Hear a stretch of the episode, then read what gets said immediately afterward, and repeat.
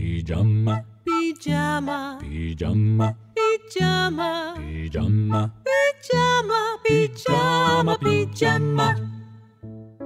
שלום ילדים וילדות. אנחנו ירדן ודידי. עוד רגע נקריא לכם סיפור שקיבלתם מספריית פיג'מה. אם תרצו, אתם יכולים להחזיק ביד את הספר שלכם ולדפדף איתנו יחד. בכל פעם שיישמע צליל של דפדוף, סימן שהגיע הזמן להעביר דף. מוכנים? מתחילים. סבא מספר בלי להגזים. הרפתקה בליל העצמאות. כתבו אורנה לנדאו ונורית כהן. איורים מיכל דיבואה.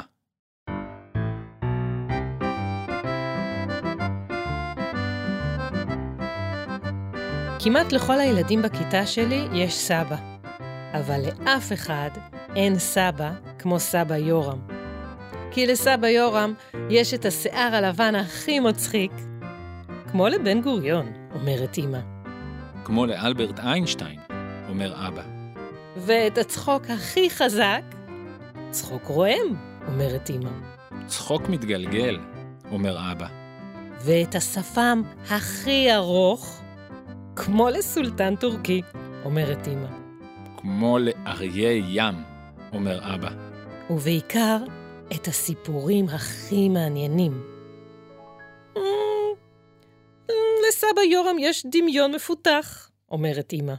אבל אבא תמיד אומר, סבא יורם הוא פשוט גוזמאי. סבא יורם אומר שהוא בכלל לא גוזמאי, ושאפילו דמיון אין לו. הסיפורים שלי מעניינים כי חייתי בתקופה מעניינת. לך, יותם, אני מאחל שתחיה בזמנים משעממים. למה לי לחיות בזמנים משעממים? אני מתרגז. אני רוצה לחיות בזמנים מעניינים, כמוך, סבא, לא כדאי. אומר לי סבא. כשאני הייתי בגילך, בדרך כלל, כשמבוגרים אומרים לי, כשאני הייתי בגילך, אני מתחיל לפהק, או אפילו נרדם. אבל כשסבא יורם מתחיל ככה, אני מיד מזדקף עם כל הגוף.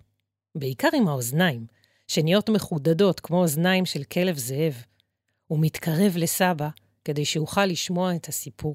כשאני הייתי בגילך, אתה יודע איפה הייתי? אומר לי סבא, בזמן שאנחנו מסדרים את הכיסאות במרפסת, כדי שנוכל לראות את הזיקוקים של יום העצמאות. זה היה כמו היום, ערב יום העצמאות, רק שאז עוד לא ידעו שזה יהיה יום העצמאות. ואני הייתי בלב ים. אני צוחק. בלב ים, אתה הרי גדלת בקיבוץ. זה נכון, משיב סבא ומסלסל את קצות השפם שלו.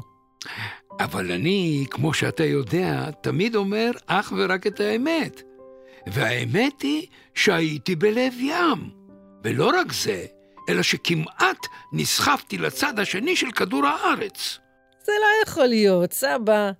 אמא ואבא שלך לא היו מרשים לך להיסחף לצד השני של כדור הארץ, בעיקרון אתה צודק, אומר סבא. אבל אלה היו זמנים אחרים. כבר כמה שבועות קודם לכן, המבוגרים בקיבוץ חניתה התנהגו בצורה משונה. בימים הם היו יוצאים לעבוד, אבל בלילות היו יוצאים לשמירות. בארוחת הערב בחדר האוכל היו הרבה שיחות בלחישות. אתה מבין, גם היום קיבוץ חניתה הוא יישוב קטן בצפון, אבל היום הוא חלק ממדינת ישראל. אז הבריטים שלטו פה, ולא הייתה לנו מדינה. וכשהבריטים הודיעו שהם עוזבים את ארץ ישראל, אנחנו רצינו שזאת תהיה המדינה שלנו, והתושבים הערבים רצו שזאת תהיה המדינה שלהם.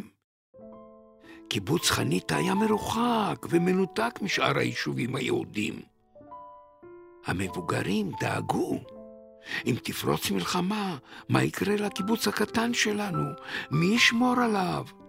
ואם המבוגרים כולם ישמרו על הקיבוץ, מי ידאג לילדים?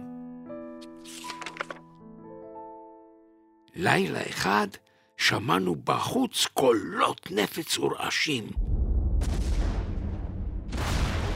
ובבוקר, כשקמנו, קרו כל מיני דברים משונים. מה למשל? שאלתי בחשדנות. למשל, החבר שייקה קרא לכל הילדים ונתן לכל ילד מתנה. דיסקית מעץ עם השם שלו. זה היה משונה מאוד. בקיבוץ אז לא היו נותנים מתנות. כמעט שלא היו לנו צעצועים, ובטח ובטח שלא קיבלנו כל אחד מתנה משל עצמו. אני שמחתי מאוד בדיסקית העץ שנתן לי שייקה. אחר כך בא חבר יוסף, וגם הוא עשה מעשה משונה. הוא ניגש לכל ילד וילד, ונתן לו כד קטן מחמר, ובתוך הכד בשר משומר. אחר כך הלכנו להתרחץ. ממתי מתרחצים ככה סתם באמצע השבוע? כולם מתרחצים באמצע השבוע, סבא. צחקתי. מתרחצים כל יום. תתפלא, אמר סבא. ורק שתדע שאני שנאתי להתרחץ, ומזה לא שמחתי בכלל. והכי מוזר, הלבישו את כולנו בבגדי שבת, אפילו שלא הייתה שבת. והמבוגרים הסתובבו בקיבוץ במקום לעבוד, אפילו שלא הייתה שבת. אף אחד לא אמר לנו ללמוד או לעבוד, ואני הבנתי סופית שזה לא יום שבת, אבל גם לא יום רגיל. ובאמת, פתאום בצהריים הגיעה לקיבוץ שיירה של משאיות כדי לקחת אותנו הילדים של הקיבוץ לחיפה, למקום בטוח.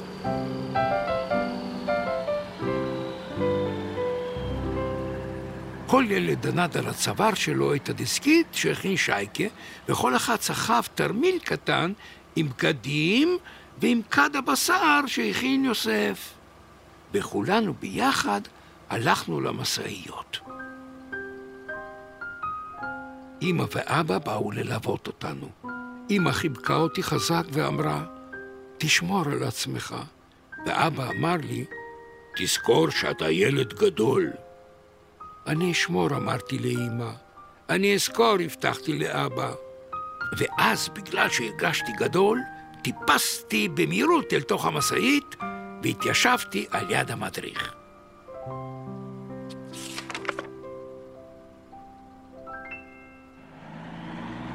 נסענו ונסענו. המשאיות קיפצו והיטלטלו, ואנחנו התנדנדנו מצד אל צד על ספסלי הברזל הקשים. בתוך המשאית היה חשוך וחם. נסענו ככה ימים על גבי ימים. לעולם לא נגיע, חשבתי. ימים על גבי ימים, סבא? טוב, עכשיו אולי הגזמתי טיפה. כמה שעות. אולי שעה אחת. אבל הרגשנו שחלפו שנים רבות.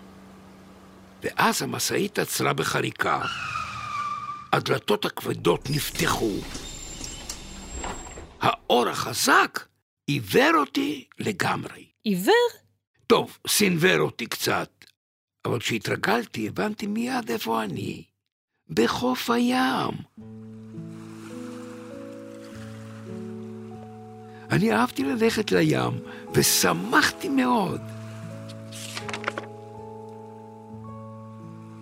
אבל לא להרבה זמן. אל תתקרבו למים, אמר המדריך. שבו בשקט וחכו. עכשיו, תגיד לי אתה, מה שווה הים אם אי אפשר להיכנס אליו?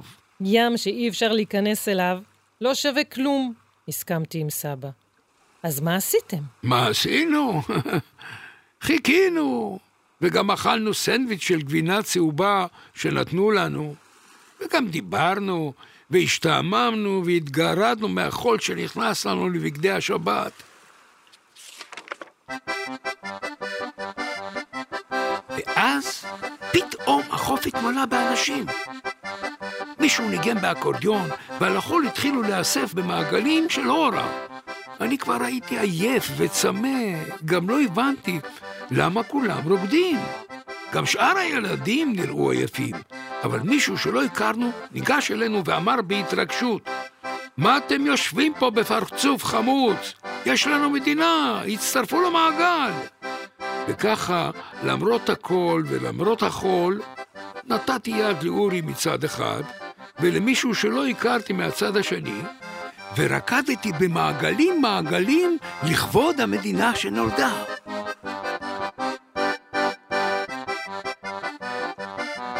עד שבבת אחת הפסיקו לרקוד. המעונה הגיעה! מישהו צעק. מעונה? מה זאת מעונה? גם אתה לא יודע מה זה, נכון?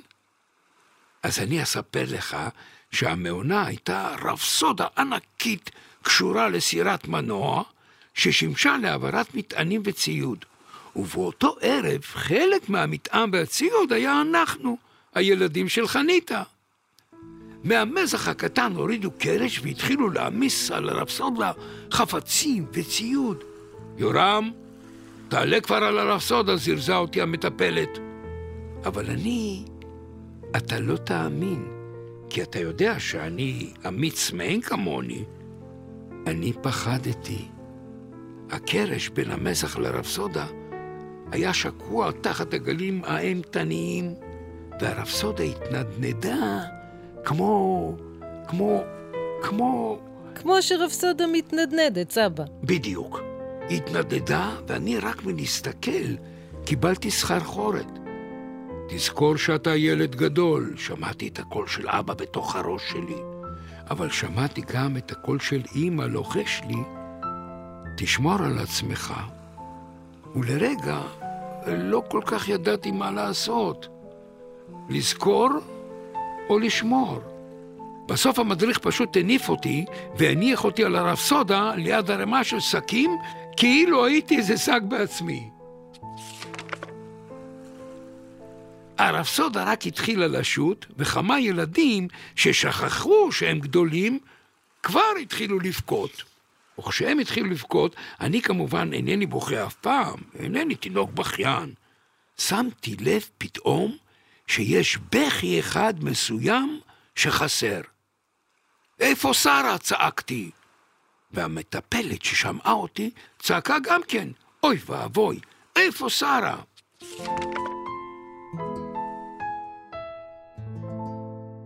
אתה מבין?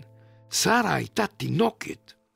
התינוקת הכי בכיינית שנולדה אי פעם מאז אדם וחווה. וכשהיא הייתה פותחת את הפה ומתחילה לבכות, כל הציפורים היו פורחות ליבשת אחרת. כל התנים היו מתחילים להיעלל אל הירח גם באמצע היום, וכל האנשים היו צריכים להרכיב אוזניות מיוחדות עם אטמים. היו אוזניות מיוחדות עם אטמים כשהיית ילד, סבא? לא, לא בדיוק. אבל שרה כן הייתה תינוקת בכיינית במיוחד.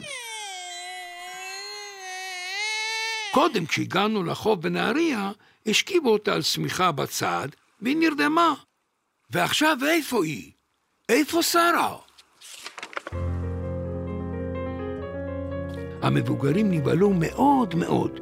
הם התרוצצו וחיפשו את שרה בין השקים ובין הילדים, עד שלבסוף הבינו, שרה נשארה על החוף. אין ברירה, הרפסודה שטה חזרה לאסוף את התינוקת. מזל שעוד לא התרחקנו, ומזל ששרה'לה כיוונה אותנו לחוף בתבונה אינסופית בזכות קולות הבכי הרמים שלה. עם שרה'לה התינוקת צורחת בכל הכוח, חזרנו להפליג לעבר חיפה.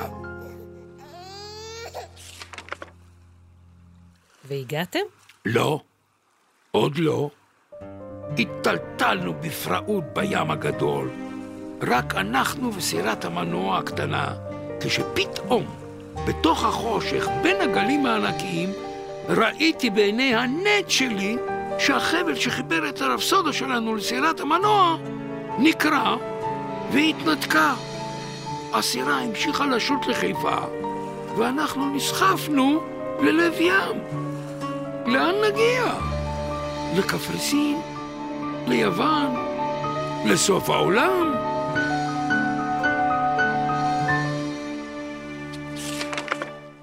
אתה שוב ממציא, סבא? ממש ממש לא.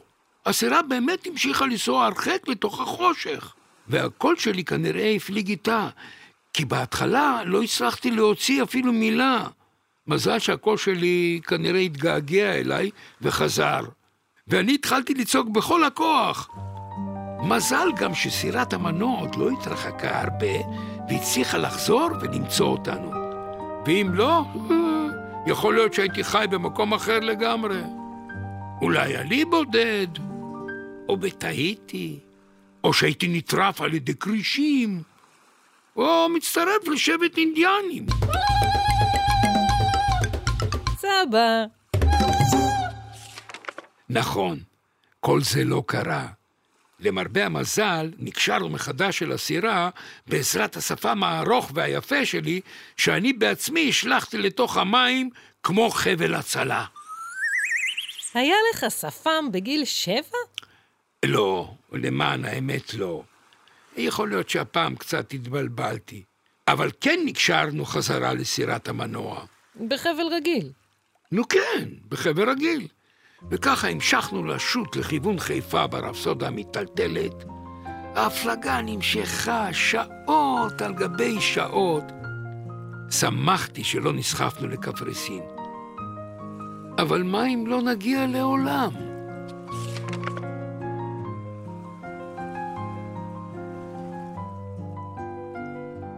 אחרי שעות ארוכות הגענו לחיפה, ואנשים זרים באו והורידו אותנו לחוף. כשהרגשתי אדמה מתחת לרגליים, שמחתי. ממש שמחתי, עוד יותר מששמחתי כשקיבלתי את הדיסקית או את הכד, או כשראיתי את חוף הים. אני חושב ששמחתי אז יותר מששמחתי כל החיים שלי. ומה קרה אז? שאלתי. עד שלקחו אותנו למקום שבו היינו אמורים לישון, כבר העיר הבוקר. אמרתי לך, את הלילה שבו הכריזו על המדינה, ביליתי בלב ים. ואז?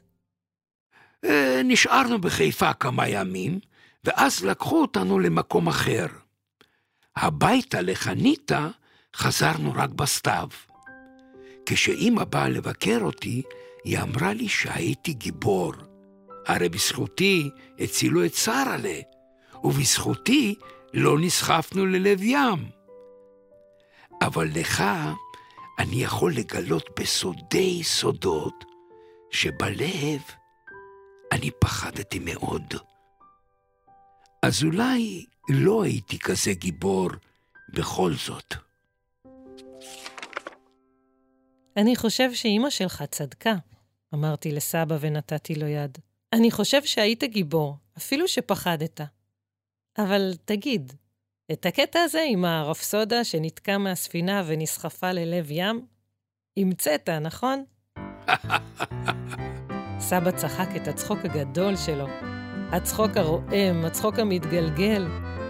מרחוק נשמע הד פיצוץ, ואת השמיים האירו זיקוקים. כל מה שסיפרתי, אמר סבא, הוא אמת לאמיתה.